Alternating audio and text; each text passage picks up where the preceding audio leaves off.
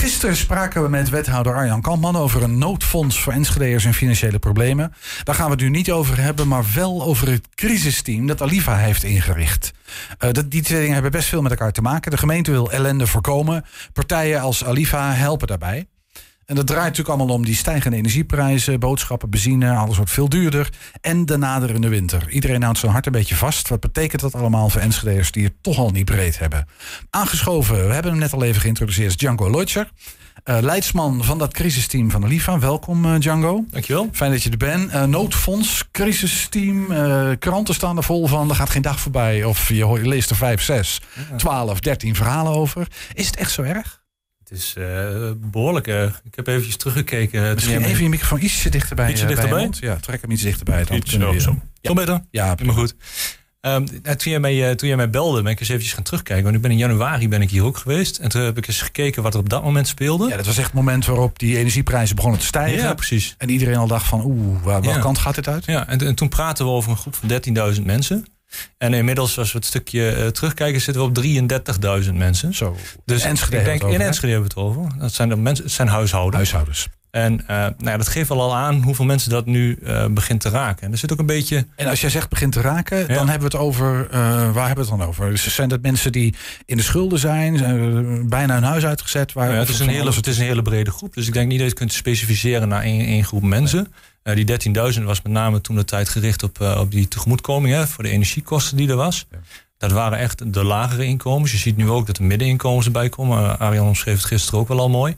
Dat is best ook een grote groep die daarbij komt. Ja. Maar ook een hele andere dynamiek die erbij komt. Maar je zegt 30.000 huishoudens. Ik, ik, ik, blijf even hangen, want ja. Enschede telt er 70.000. Klopt. Dus dan zitten we op bijna de helft van de Enschedese huishoudens... die op dit moment al voelen dat het knelt. Die voelen dat het knelt. Of erger. Nou, of erger inderdaad. Maar als je, als je kijkt wat je nu voelt, en dat zie je ook overal op social media, en dat, dat ziet eigenlijk iedereen wel, is dat die voorschotbedragen heel hoog worden. En het nadeel met een voorschotbedrag is dat je er ook nog aan kunt sleutelen. En um, dat wordt geblokkeerd en je hoort dat er uh, callcenters niet bereikbaar zijn en dat soort dingen. Die bedragen zijn niet op te hoesten voor mensen. Dus wat gebeurt er? Of mensen het naar beneden ja. of gaan ergens anders besparen. Maar heel vaak bij dit soort situaties, blijkt ook uit het verleden, op het moment dat mensen iets niet kunnen betalen, is de eerste reflex kijken van hey, hoe kan ik ervoor zorgen dat ik het geld toch binnenhoud, om vervolgens pas later die klap te krijgen. Ja.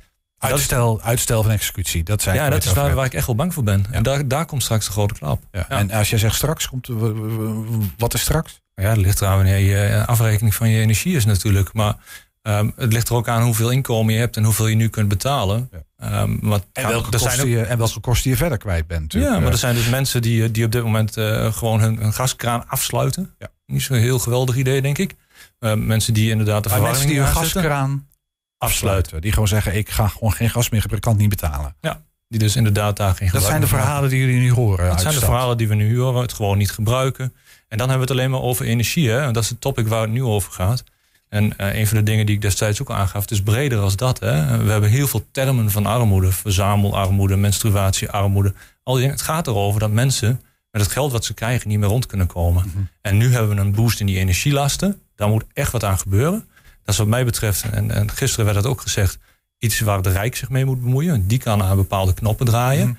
Uh, gemeente heeft een rol. Nou, volgens mij is die, uh, is die best mooi gepakt op dit moment. Ja. Kun je zelf uh, iets van vinden en misschien op een andere manier wel inrichten. Maar er wordt wat gedaan. En ik denk dat wij als welzijnspartij ook een, een belangrijke rol hebben. Ik, heel even, ik, ja. ik, ik, weet dat je daar naartoe wil, maar voordat we daar naartoe gaan, ja. ik wil, want, maar misschien raakt het elkaar wel hoor.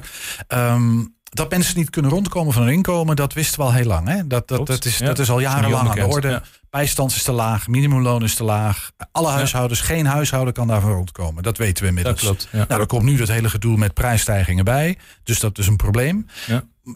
En, maar ik hoor jou ook zeggen, het Rijk zit aan de knoppen. Die moet daar eigenlijk wat aan doen.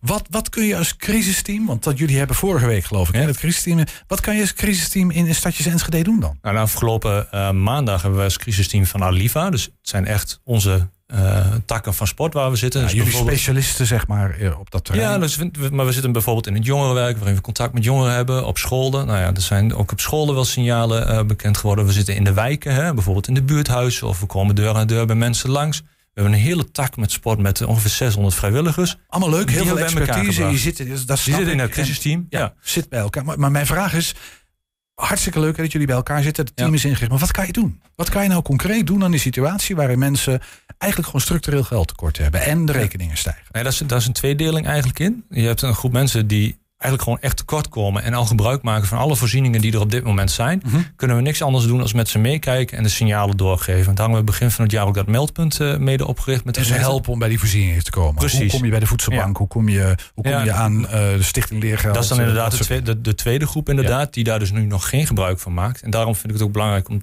want dat is het punt waar ik inderdaad naartoe wou, Ga je gang. om, dankjewel. Ehm, we hebben nu heel veel aandacht voor de mensen die er buiten vallen. En daar moeten we echt iets mee doen. Alleen dat is niet iets wat wij als welzijnsorganisatie kunnen doen. Wat we wel kunnen doen is onder het aandacht brengen welke voorzieningen er zijn. En met name mensen die die nog niet gebruiken, om die ook aan te sporen om daar gebruik van te maken. Of in ieder geval bekend te maken dat het er is. Want misschien zijn die mensen daar nooit bekend mee geweest. En ik denk ook dat dat, eh, zoals een voedselbank wat jij noemt, eh, zoals een kledingbank, dat daar ook gewoon nog een hele hoop onduidelijkheid over is hoe dat functioneert en hoe Wat is de dat. onduidelijkheid? Waar zit hem dat?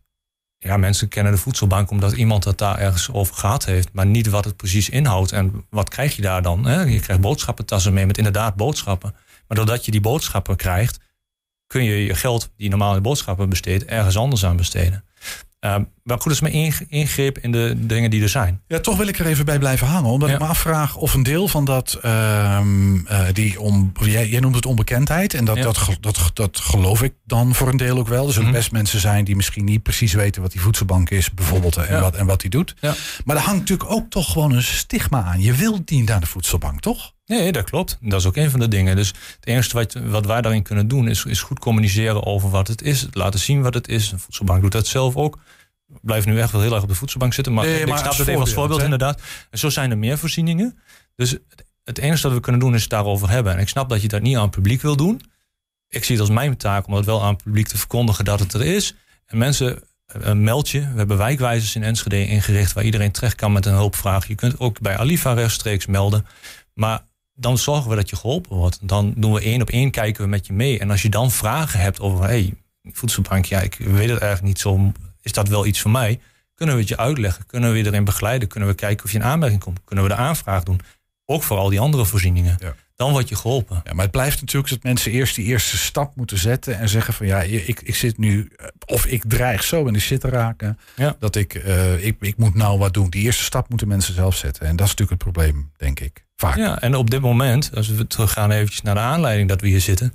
Op dit moment kun je zelf ook nog maatregelen nemen. Je zit niet meteen klem, want je kunt voorschotbedragen terugschroeven of iets laten oplopen of dat soort dingen. En mijn oproep is, kom alsjeblieft, laat ons je helpen. We doen wat we kunnen. Ja. We kunnen niet alles oplossen in deze situatie, dat is ook duidelijk. Maar we zorgen in ieder geval dat we naast je staan en zorgen dat we in ieder geval die dingen aanvragen waar je dan recht op hebt, waar je gebruik van kunt Ja, maken. eh, het lijkt me een heel belangrijke oproep. Het, het roept een paar vragen op. Ehm, misschien is de eerste wel, ehm Enschede kent een heel aantal voorzieningen. Absoluut. Eh, maar dat is soms ook een soort van oerwoud. Hè? Van, van waar kan je in godsnaam wat halen? Ja, fijn dat je je dat zegt, want het is echt, echt gewoon Maar niet is, meer is, het, is het overzichtelijk. echt een oerwoud of is dat alleen maar de perceptie die we, die we soms hebben? Of Oh, je is kunt het, het een oerwoud vinden. Je kunt ook zien dat er heel veel instanties goed bezig zijn om Mhm. mensen te ondersteunen. Dus Ja. ik denk dat er heel veel mooie dingen zijn. Stadsbreed, kleine, eh, kleine wijkjes, buurmensen, die, eh, buurmannen die, eh, die tuintjes onderhouden en daaruit dingen geven aan buren. Dus dat soort initiatieven zijn er. Maar het belangrijkste is dat jij je bij één punt kunt melden en daarbij ondersteund wordt om die dingen te bereiken. En dat zijn in Enschede zijn dat met name die wijkwijzers als toegangspunt. Ja, dat is een Ja. belangrijke vraag. Want als er één plek is waar mensen terecht kunnen, wil ik heel graag van je horen. Mensen, als je een vraag hebt en je hebt hulp nodig, waar moeten mensen dan terecht en waar weet je zeker dat ze goed geholpen worden? Nou, het antwoord daarop is bij de wijkwijzer. Er zit eh, altijd een wijkwijzer bij je in de buurt. Waar vind je die? Ja, even los van, ik ga niet door Als je straat even googelt of op de gemeentesite wijkwijzer Enschede, vind je alle informatie. Mhm. Het is sowieso eh, digitaal benaderbaar. Het is benaderbaar telefonisch. En er zijn negen, nee, inmiddels tien fysieke locaties in Enschede waar je terecht kunt. Dus genoeg punten waar je, waar je binnen kunt lopen en vragen kunt stellen. Mensen Ja. na- naar de wijkwijzer. En dan tot slot, eh, Django.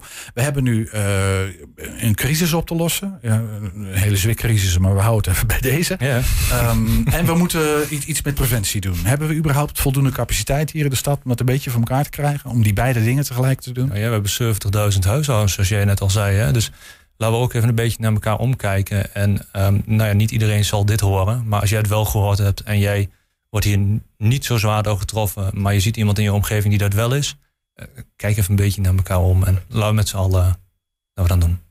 Mooi. Ik vind het een mooie oproep. Django Lodger was dat van uh, budgetadvies, uh, budgetadviesteam, moet ik even zeggen, Alifa en uh, nou ja, nog veel meer. Dankjewel, Django. Heel mooi, dankjewel.